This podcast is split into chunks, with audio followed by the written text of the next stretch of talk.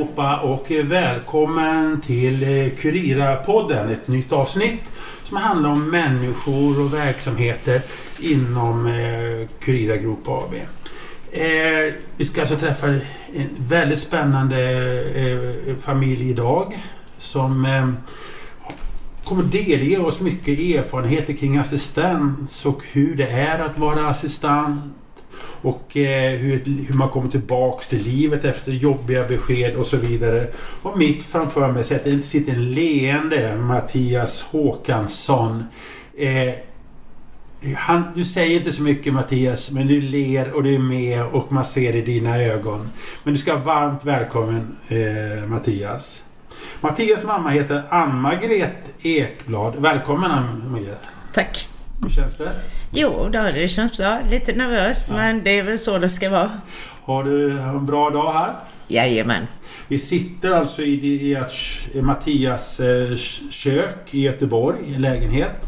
Och eh, bredvid oss sitter också en av hans assistenter, Angelica Hallberg. Välkommen Angelica. Tack så mycket. Tack så mycket. Eh, det är faktiskt spännande idag att Ann-Margret, du är faktiskt den första assistenten som vi har i Sverige idag, som är enligt LSS-lagen. Ja, jag blev anställd 1 januari 1994. Du har massor av erfarenheter. Ja, det har jag nog. Eh, men jag känner mig väldigt stolt för att ha fått gå hela den här vägen. Mm. Vi har ju suttit en stund och pratat innan vi spelade in det här poddavsnittet och du har en gripande berättelse, du har en givande berättelse och du har ju mycket klokhet att dela med er. Och det är väl förhoppningen att vi ska göra det i det här avsnittet. Alltså den biten. Ja, jag hoppas väl att jag kan hjälpa till att stötta någon där ute och kan få lite bättre förståelse att livet är inte slut utan det är bara en början på en period som kan bli så jättebra mm. om man vill. Vi, jag tycker vi går tillbaka till 1976. Japp. Då föds en liten gosse som heter Mattias. Och du ler nu hela du Mattias. Det är så härligt. Jag, man önskar bland annat att det vore TV så man såg ditt soliga leende. Men då föddes Mattias. Ja, då föddes Mattias och jag blev tvåbarnsmamma. Mm. Jag hade en son tidigare som var född 73. Och var väldigt stolt och glad. Men 1977, 7 mars 1977, så får Mattias sitt första EP-anfall. Och åkte väl in med honom och ingen satte väl någon stämpel direkt att det var epilepsi utan man, en kramp kan alla få. Men så tog det några månader. I augusti så får han nästa. Och då var det ett stort gramallanfall i över en timme. Och då kunde man konstatera att han hade epilepsi. Natten efter så fick han tre sådana här timslånga anfall som han hade svårt att få stopp på. Och då började man utreda honom och började ge honom medicin. Samtidigt som man erbjuder mig en plats till Mattias på institution. Det är många föräldrar till funktionsnedsatta barn som när man säger ordet institution så ryser man. Man ser jobbiga bilder framför sig. Du berättade att du hade jobbade, haft en praktik på institution så du hade en bild av på 70-talet. Vad innebär det? Kan du berätta? Mm, jag gjorde min utbildning som fritidsledare med specialisering på utvecklingsstörda. Och då gjorde jag min praktik på Sagåsen som tillhörde Stveterved. Och där jag, ung som jag var, fick lära mig att spänna fast de här barnen. Det var barn med vattenskalle, det var barn som var epileptiker, det var ju så att vi skulle gömma de här barnen. Även i Sverige förekom ju det. Och jag tyckte det var så fruktansvärt att se. Så att när jag fick förslaget sen när Mattias insjuknade så fanns det inte i min vildaste fantasi att han skulle sitta där. För han, precis som sin storebror, hade samma mamma och samma pappa. Han har rätt till ett lika värdigt liv han. Det du såg och det du upplevde, det var liksom... eh, Du bestämde, nej, det här eh, ska inte min son vara med om. Aldrig. Det fanns inte på kartan. Jag ska kämpa. Men en motorcykel som kör utanför det vackra Göteborgsvädret så vi får vänta lite stund. Nu kommer motorcykeln förbi. Men eh, det är ju inte fruktansvärt att man spänner fast, spände fast barn och låste in och gick. Ja, men när det var jobbigt så var det bara stänga dörren och så gå ut därifrån rummet. Det kunde barnet ligga och gråta själv. Man hade inte tid och man hade inte lust att ta det här ansvaret och trösta. Men för mig var det jätteviktigt att alla människor har rätt till ett värdigt liv. Och jag lever efter den fortfarande. Att alla människor har rätt till ett värdigt liv. Behandla andra så som du själv skulle vilja bli behandlad. Fick du stöd av läkare? Fick du stöd av din familj i ditt beslut? I din släkt och så vidare? Eh, nej, tyvärr. Eh, läkarna, det fanns en läkare på den tiden, Olle Hansson. Han stöttade mig i och för sig. Han var som en pappa för mig. Han tog sig alltid. Sen träffade jag även en läkare som hette Mårten Kylleman på barnkliniken på Östra. För att vi bodde i Mölndal på den här tiden och då hade jag ett barn på Mölndals lasarett. Fredrik var öronbarn och så Mattias med sin epilepsi fick åka till barnkliniken som det hette på den tiden. Östra sjukhuset. Och det var inte lätt. Det var besökstid mellan två och tre. Och att stå där som mamma och inte veta vem ska jag besöka idag. Då släppte Olle Hansson på allting och sa bara du kommer när du kommer Margret. Dörren är alltid öppen för dig. Du hade då en, en, två söner på två olika lasarett. Mm. Och du, du, lev, och du har beskrivit att på 80-talet du till och med tappade håret för att du jobbade så mycket. Ja, 1980 så tappade jag allt mitt hår och då sa de att det berodde på psykiskt. Eh, så jag fick sån här alopecia areata. Det enda jag hade kvar var mina ögonbryn. Och jag började tappa håret för Lusse och de sa att i februari skulle jag få komma och prova ut en peruk. Men dagen innan julafton så hade jag bara tio hårstrån kvar på hela huvudet. Så jag fick åka ner till NK och hämta en peruk. För i bottenvåningen där så låg Karl M Lund. De hade syntetperuker. Sjukvården ställde upp så jag fick en peruk. Och det... Jag kunde fira jul med mina barn men det var ingen rolig situation. Det kommer bli bättre i ditt liv här så att vi liksom inte skrämmer lyssnarna att vi är helt nere. Vi ler här nu också Mm. tillsammans med Mattias. Men nästa jobbiga period kom i flera år senare. I, början på 1990-talet. Berätta, vad hände då? Mattias eh, gjorde två hjärnoperationer för att se om han kunde få bli av med sin, lite av sin epilepsi. Men tyvärr så misslyckades bägge operationerna. Han åkte ut och in och fick sövas ner för hans EP var så starkt så han varannan vecka behövde han narkos. Och gick i skolan bara fyra timmar om dagen. Resten var jag sjukskriven för att kunna ta hand om honom. Men sen gjorde han den här hjärnoperationen och det gick inte så bra. Men 92, juni 92 så fick han en leverkoma. Och då miste han sitt tal och rörelse.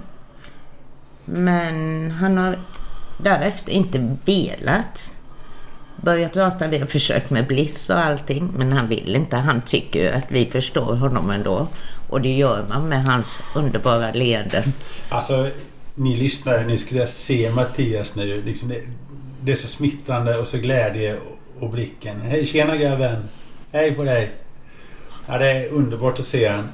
Ni, kommer, ni tittar säkert på bilden sen på honom som pryder här. Men det som berör mycket när jag hörde dig berätta. Det är i Italien övriga familjen på semester. Du får ett telefonsamtal. Mm. Och den resan hem. Mårten Schylman eh, ringer ner till Italien och eh, det kommer en kille, en vaktmästare och säger att Mårtens son har blivit sjuk. Då förstod jag direkt att det är min son som har blivit sjuk och att jag ska kontakta Mårten. Mårten Kylleman har avbrutit sin semester.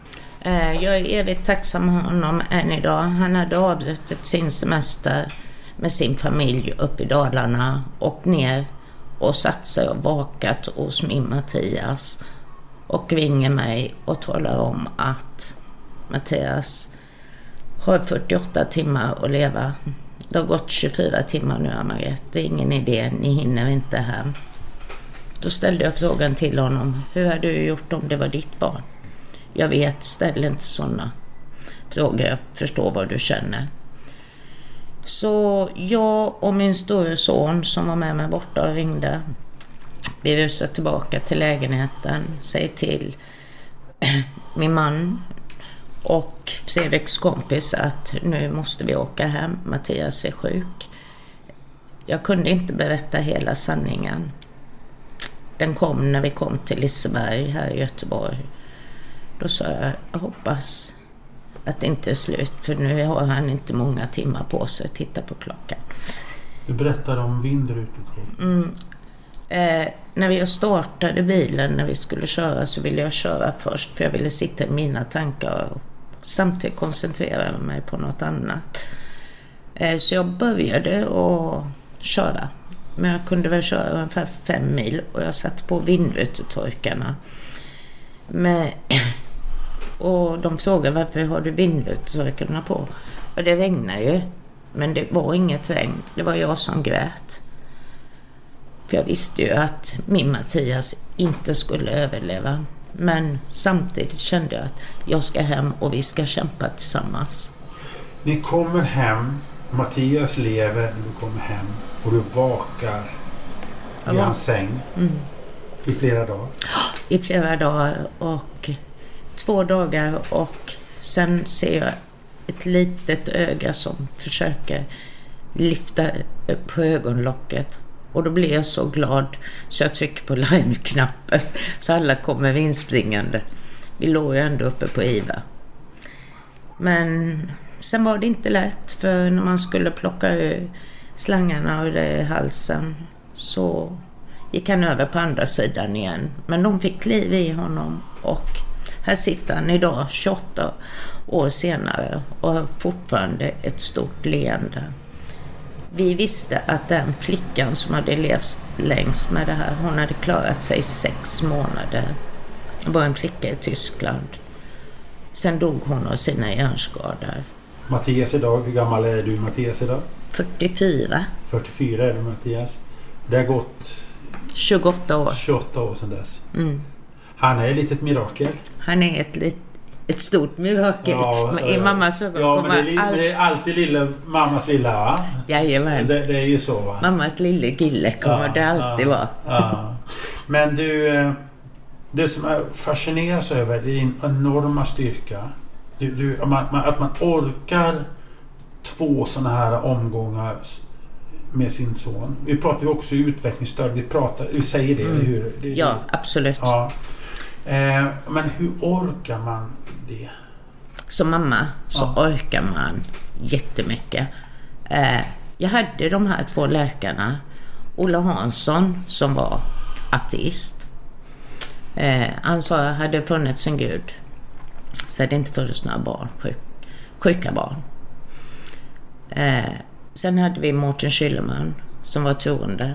Han sa att det är Guds vilja att just du, Anna-Greta, fick Mattias för att du skulle kunna visa vägen för andra föräldrar. Och jag hoppas att jag verkligen kan göra det. Jag har mött många föräldrar till funktionsnedsatta utvecklingsstörda barn. Och, jag, och, de, och det som slår mig det är hur många duktiga föräldrar det finns. Och jag brukar säga det, det, man är duktig förälder när man får barn som är funktionshinder som, som måste kämpa för ett bra liv. Håller du med om det? Att det generellt sett, man gör det till en... Man blir bra utav det som förälder. Absolut. Och jag tror att man lär sig att inte ta någonting för givet. Mm. Man är så tacksam på ett annat sätt och alla de här små framstegen blir så stora. Det som också slår mig det är att när då Mattia, du Mattias, är tillbaka på vår sida av livet och vi har kontakt. Då går du en, en eh, rättegångsrunda mot läkemedelsbolaget som hade orsakat det här. Och går ända upp i regeringsrätten och vinner. Jajamän. Och där hade vi ett jättestort stöd av Mattias läkare Mårten Schillerman som var med uppe i Stockholm. Och eh, det var jag och min man och vi var där samma dag som riksdagens öppnande. Men vi vann. Vilket år var det då? Detta var 90... 94. 94. Det var det året som LSS-lagen klubbades igenom, den dåvarande regeringen. När fick du höra om LSS första gången?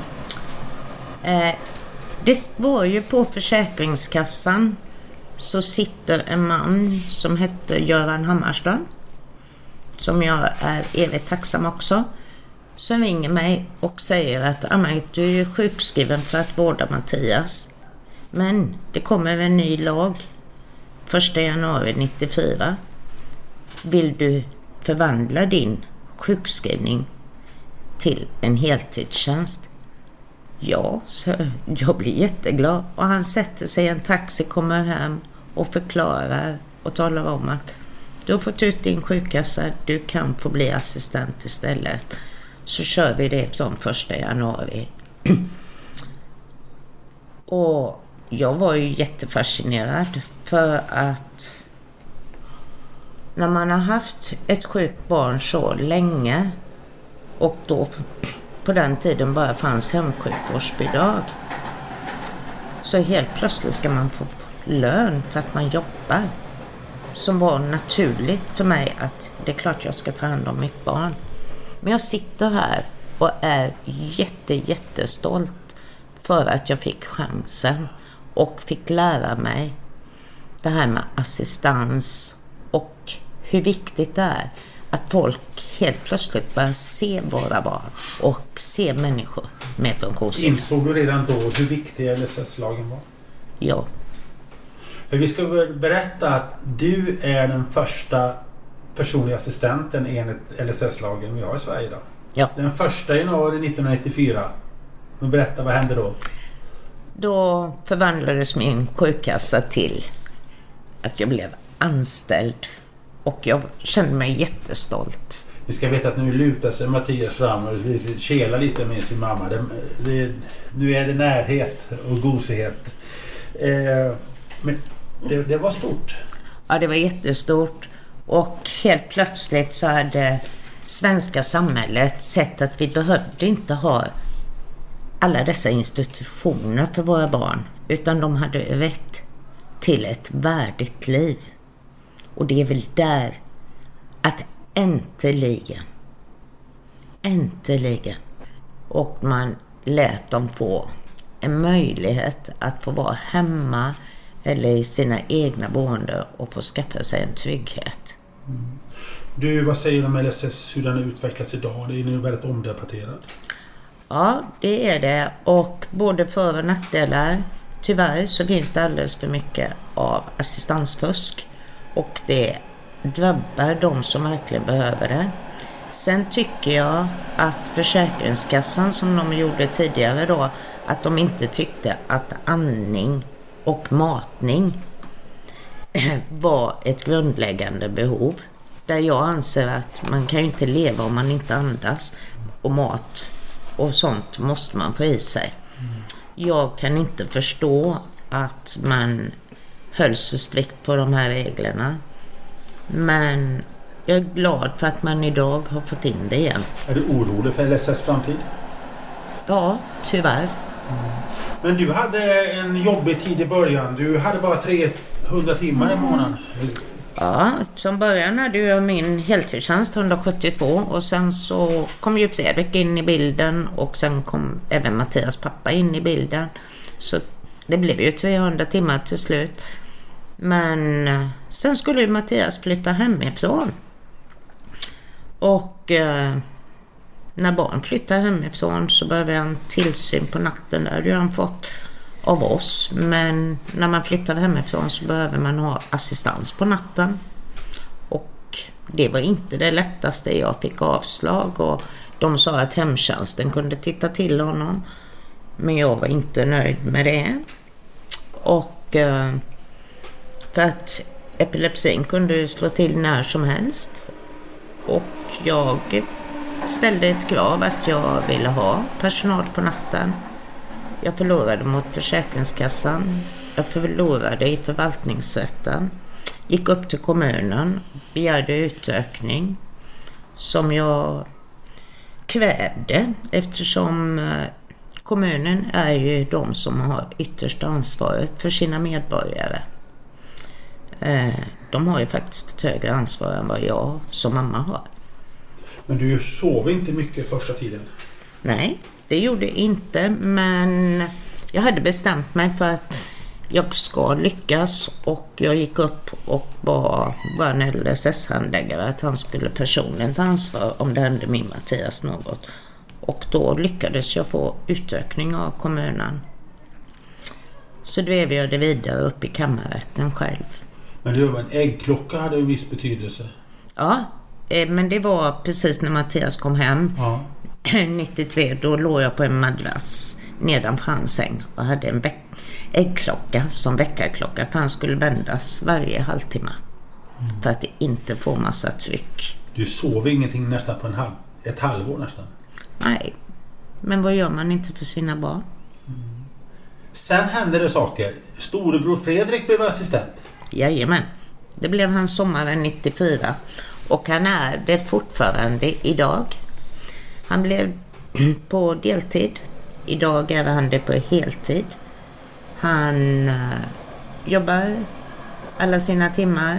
Ni är jätteduktiga bägge två. Han har också varit mammas stora stöd under hela den här långa perioden. När man hur, hur har han klarat att vara bror ändå? För att det är ju liksom, ditt fokus har ju varit mycket mot Fredrik. Ja, Mattias har ju varit... Mot, äh, mot äh, Mattias menar jag. Mm. Ditt... Mattias har ju tagit all tid. Men då fick man försöka att ge Fredrik tid de små stunderna Mattias låg och sov. Mm.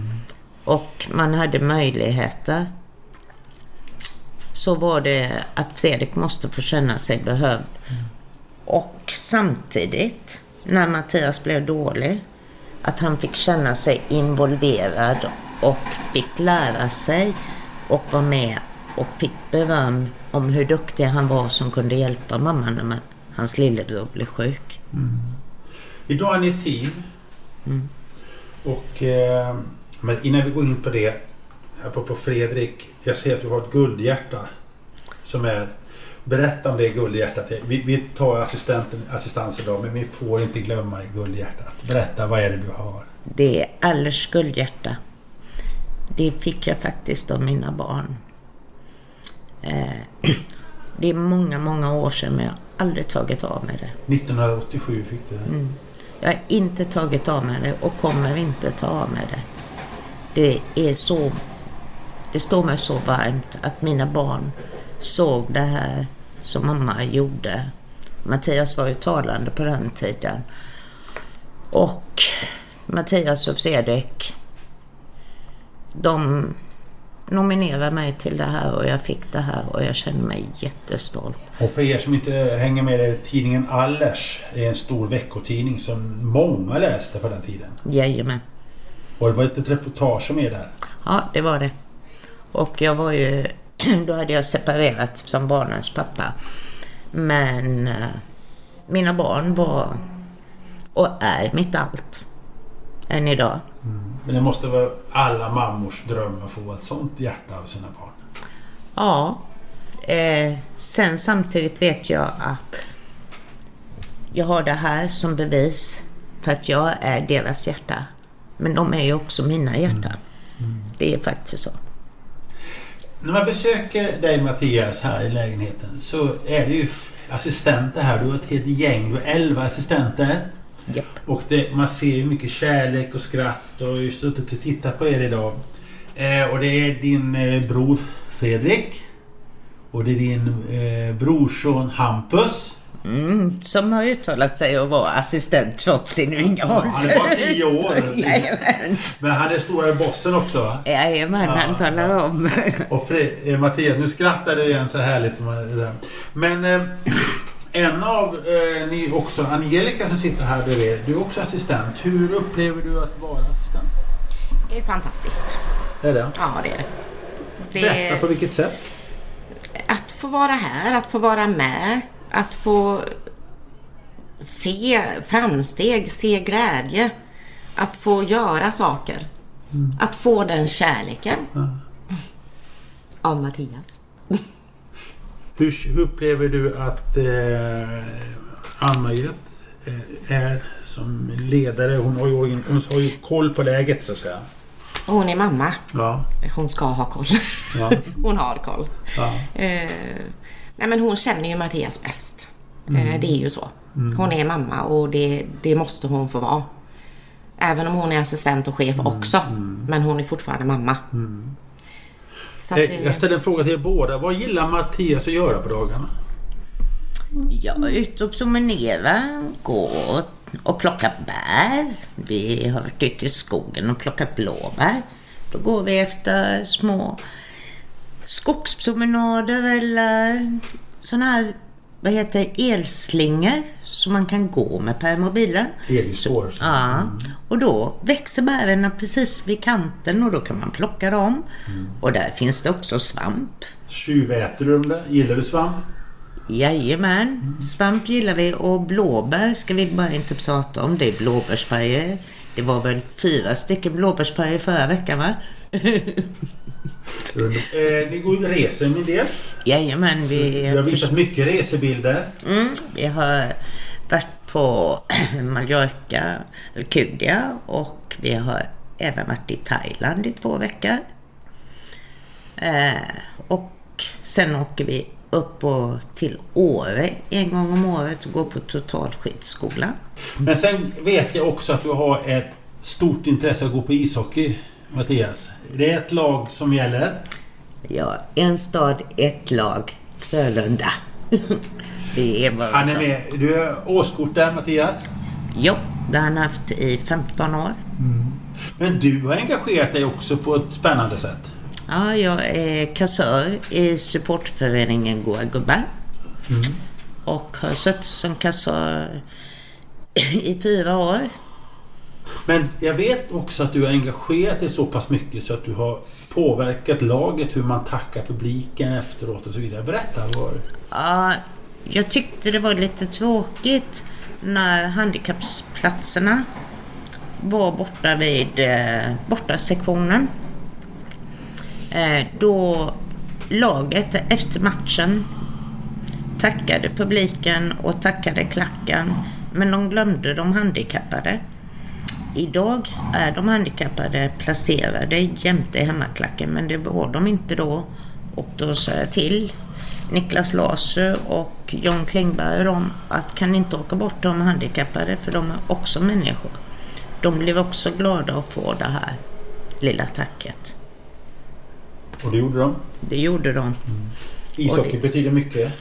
Ja, ishockey är väl allt för oss Mattias. Skulle Hänger du med också? Ser du glädjen och känslan? Ja, även om man inte hela tiden kanske hänger med på matchen så upplevelsen i arenan, upplevelsen alla dessa människor, både de som har funktionshinder eh, plus andra fans som kommer och ser de här varje gång. De hejar, de lär känna. De får också en större vidd och bekantskapskrets. Hur går det för Frölunda i år? Det är klart vi tar SM-guld. Då säger jag som man säger i public service. Nu skrattar du Angelica. Ja.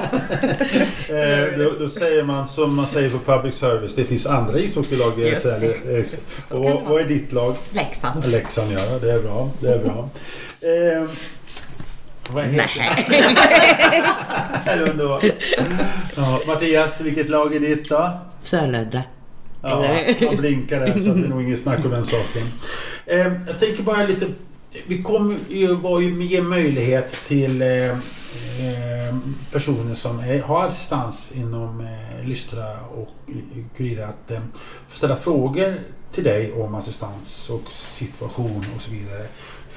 Eh, för, du har ju en sån erfarenhet och eh, det kommer vi att eh, kunna se vart man skickar de frågorna.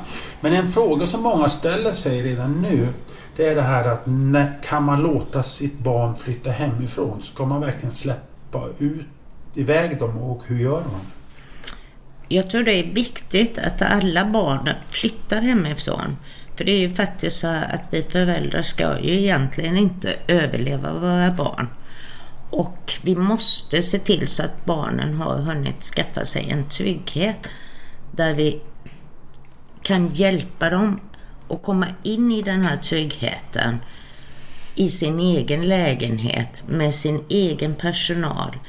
Vi får inte glömma våra barn och det är inte det jag menar. Men jag tror det är viktigt att de kan se att jag som mamma eller du som pappa finns där. Men vi finns i, bakom så att säga.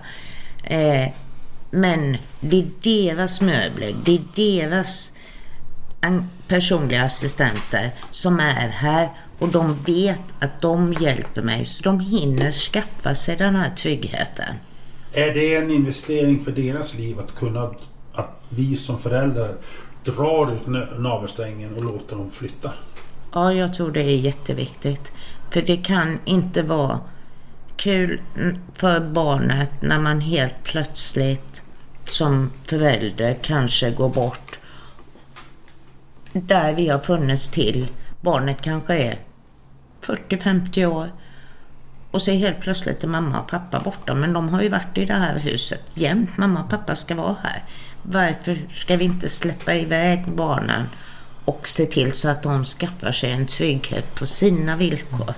Och så vänjer man dem att en dag finns inte Absolut. Och vi säger vi, det, det, det vet jag, jag har ju också eh, två pojkar som är utvecklingsstörda.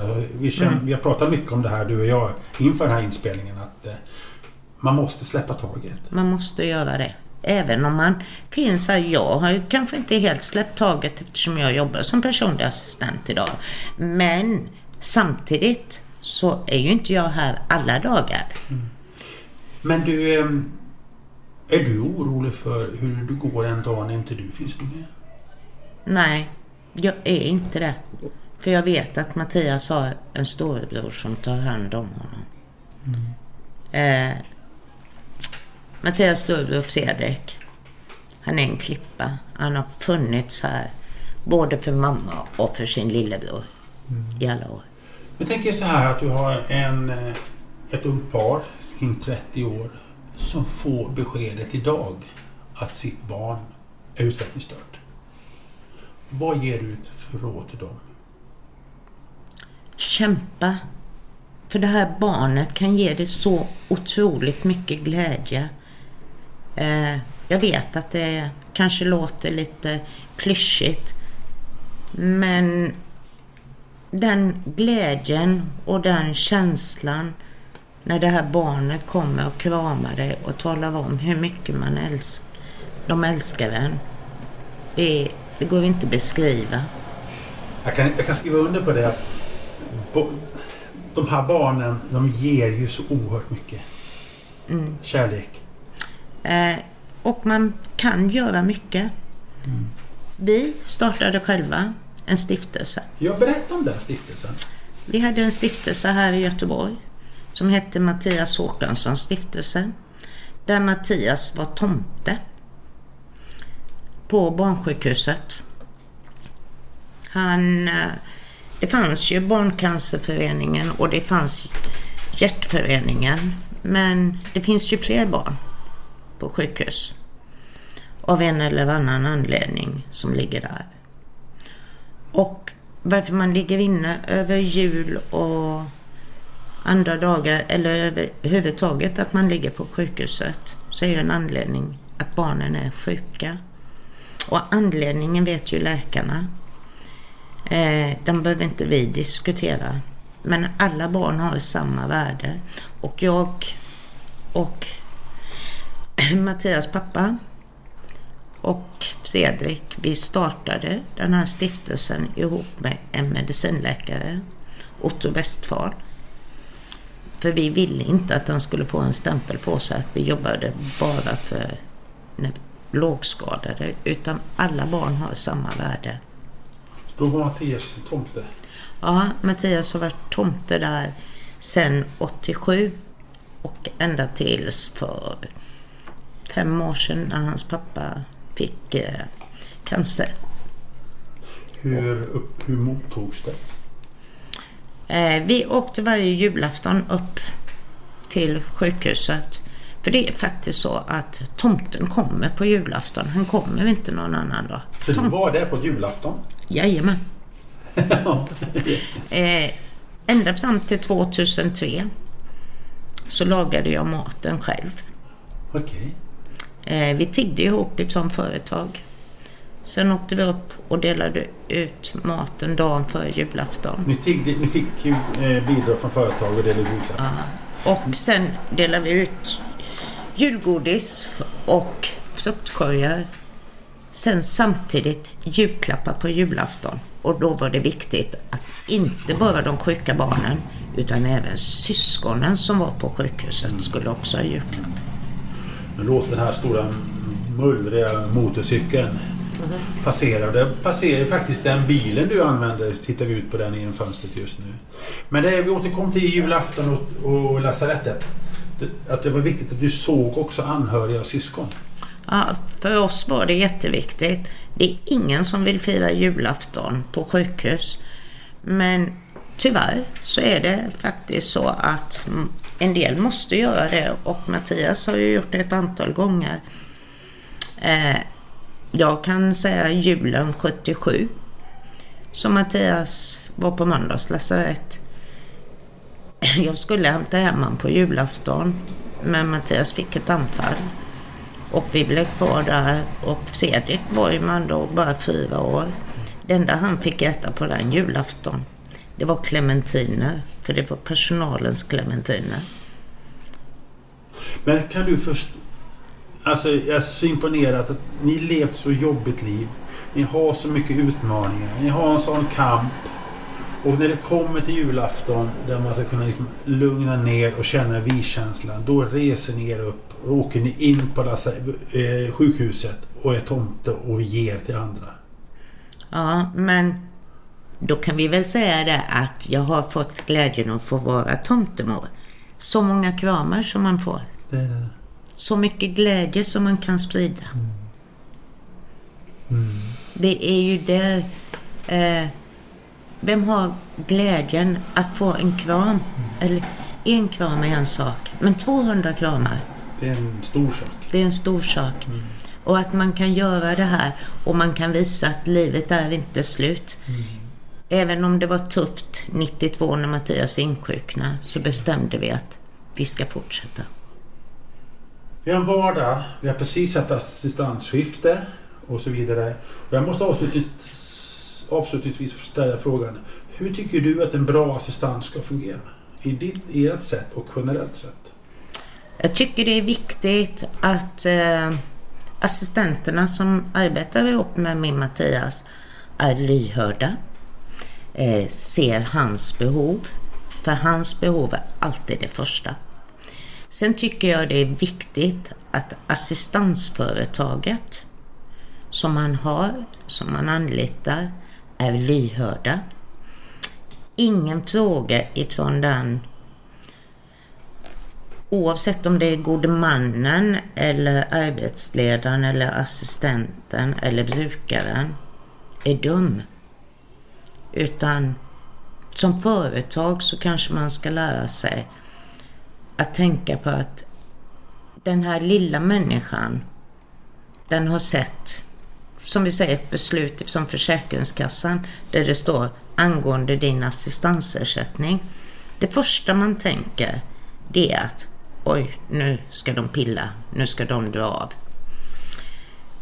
Eh, då måste jag kunna ringa ett assistansbolag och få den här förklaringen direkt. Jag kan läsa hela brevet, men en brukare som kanske är mitt uppe i en jobbig situation eller föräldrar som kanske första gången orkar inte läsa hela brevet utan man läser överskriften och då är det viktigt att man har aldrig längre än ett telefonsamtal bort. Mm. Jag tycker vi för med oss det. För mm. det är grunden för en bra vardag. Ja. Ett bra liv. Och att man har faktiskt rättighet till ett värdigt liv. Ja. Så det är som man säger, man ska inte bara överleva utan man ska leva. Mm. Fyll inte ditt liv med år, fyll dina år med liv. Mm. Vilka kloka ord vi har. Ska vi avsluta det här samtalet, den här podden med de eh, eh, kloka orden tycker jag. Det kan vi göra.